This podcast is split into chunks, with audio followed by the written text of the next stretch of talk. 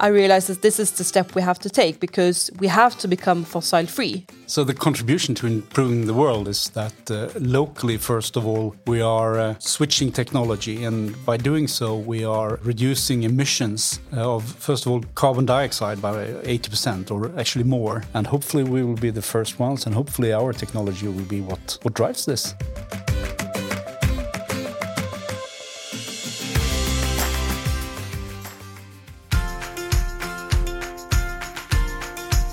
My name is Jakob Sandberg. I work as CTO, Chief Technical Officer, uh, within the Special Steels division of SSAB. I find it really inspiring to be part of a tradition. Sweden has a long, long history uh, as a steelmaking nation. Even before we were a nation, actually. If you go to the Viking ages, uh, steelmaking was part of our society, but then in a very, very small scale, and probably with imported technology and maybe with imported know how from the Middle East, for example. But then, uh, if you go onwards to the maybe 16th, 17th century until the Industrial Revolution, this part of the world was a, a big exporter of steel and it was based on our natural resources. We had the water power, we had the, the forests for making charcoal, we had the, the ore and, and the know how, uh, which was also actually imported. Uh, there were lots of, of immigrants coming from abroad with know how, working with the steel industry.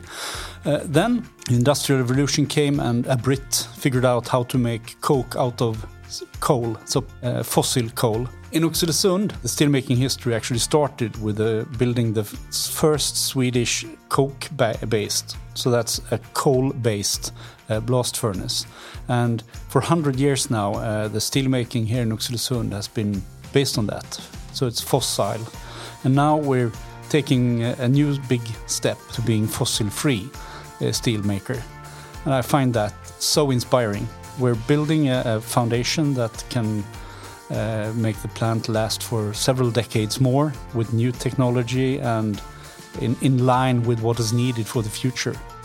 My name is Ira Kaplashrami and I am Vice President and Head of Production and Site Manager for SSAB in Oxelösund. My role in, in the production is that I'm uh, actually heading the production, so I'm responsible for, for the production from the raw material coming in to the plate that we, uh, that we ship out from Oxelösund. Uh, and I'm also, uh, of course, responsible for the work environment for everyone working here on site. Uh, and I also have the, the profit and loss responsibility for Oxelösund Mill. So, so what we do here at SSAB is that we take raw material, uh, that's a form of iron ore, and then reduce it to steel. The steel is then casted out to slabs. Uh, the slabs uh, are then rolled into thin plate or plate, uh, and is then quenched and tempered to to give the plates the properties that our that we need. Uh, the plates are then cut uh, to, to the right size that our customers want and then uh, painted, blasted and painted, and then sent off to, uh, to our customers. So, what we do is we actually take raw material and make, uh, make a plate out of it. My name is Tor Bengtsson of Silén. I'm head of HR for Special Steels Division. When joining SSAB, I think our vision, stronger, lighter, and more sustainable, capture it quite well. I have learned over the last 20 years that SSAB has something unique. SSAB is different from many other industrial companies. Uh, the culture, the people, the flatness in the organization, the readiness to act, the space you're given as an employee to express yourself and try your ideas, that, that is not to be found in all other organizations.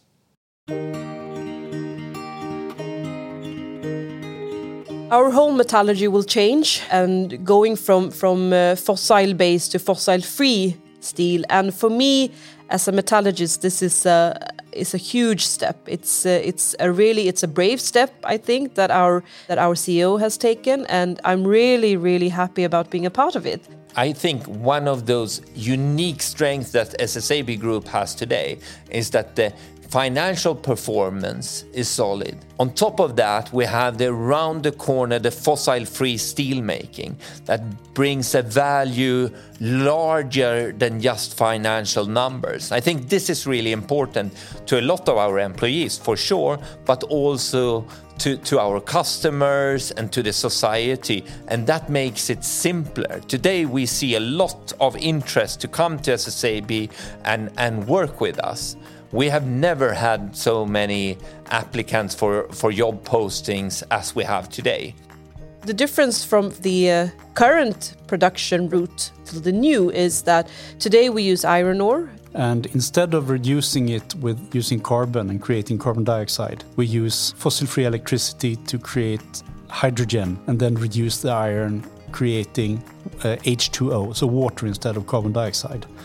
Then we have fossil-free iron product. What we do in Oxelösund, what I'm responsible for, is to convert the, the plant and the production uh, unit here from being based on coal and iron ore to starting with metallic raw materials like the HYBRIT uh, sponge iron, the, the reduced iron, or recycled steel, melting that with an electrical process. And Oxelösund will be the first uh, place in the world where uh, full industrial scale production of, of fossil free steel will be done based on HYBRIT and what we do locally here. I think as an HR manager that the partnerships SSAB has recently announced together with Volvo, together with uh, Mercedes-Benz is really interesting. Because I know our employees already today, they know where uh, high-end steel ends. High-strength steel ends up in applications worth selling globally. When joining up with partnership with Volvo, Mercedes-Benz, I think these SSAB's product in a uh, much more clear context for the not yet hired employee of SSAB. It may sound relatively simple to change technology in a, in a plant like this, but uh, actually it's uh, it's more demanding than you may think, and it, it's not the things, the obvious things that are really difficult. I mean, to buy an electric arc furnace, the melting unit, it's not something you buy out of, out of a catalog, but you can actually call someone who can supply it. You need a building, you need uh, this and that around it, but it's it's quite clear what we need. But what is not quite clear is uh, is uh, how do we supply the plant with energy, electrical energy and fuel, because we're going to need a new fuel for firing up the, the reheating furnaces. Uh, we're going to need a new production permit. At the same time, we're starting up the new metallurgy, and this is a new, a, a totally new new process for us. So we will need to have this parallel this new process running parallelly with the old process. Of course there is a lot of technique challenges that needs to be in place but from my point of view i think the biggest challenge is competence related. And you can say it's manning related because we will have different amount of employees hired at given time points or time periods but it's also a competence related question when it comes to finding, attract, and keeping employees within the company. And we need to educate them so they know how to run the process. And then once we have that uh, that new process up and running, uh, or the new uh, production route up and running, then we will close down the the uh, the old. It's planned that we will uh, deliver the first fossil-free steel in, in production in 2026. Making the world's best steel doesn't come by chance. We've actually been working very for a very long time in in, in evol evolving and developing uh, our material and our processes so that we can make the best steel in the world. Uh, what requires uh, and what it requires from us is that we need to have dedicated people uh, that are dedicated and highly skilled people uh, working uh, with our products, the product development, with our processes, and within the production chain as well. So skilled and very dedicated people is uh, is what we need.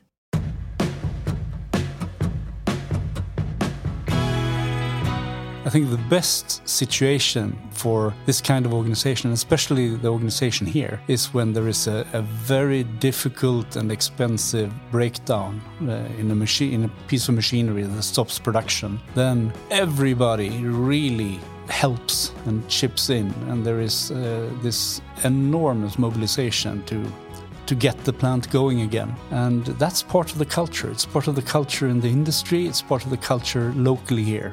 You do it, you do your part, and you're proud of it. And once you're back on, on track again, the feeling is good.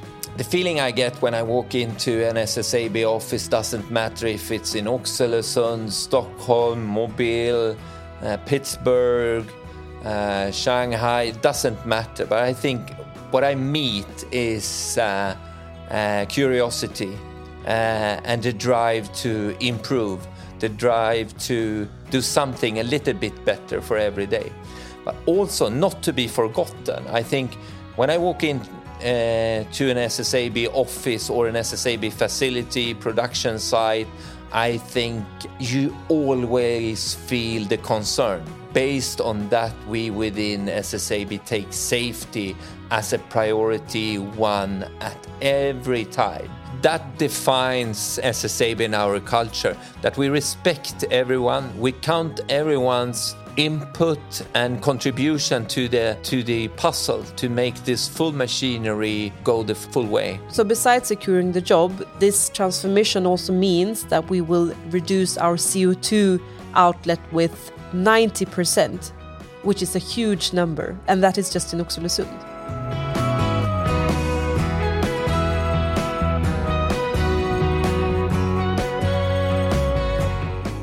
You've just listened to Jobcast. Would you like to get to know more companies? Download our app at App Store or Google Play.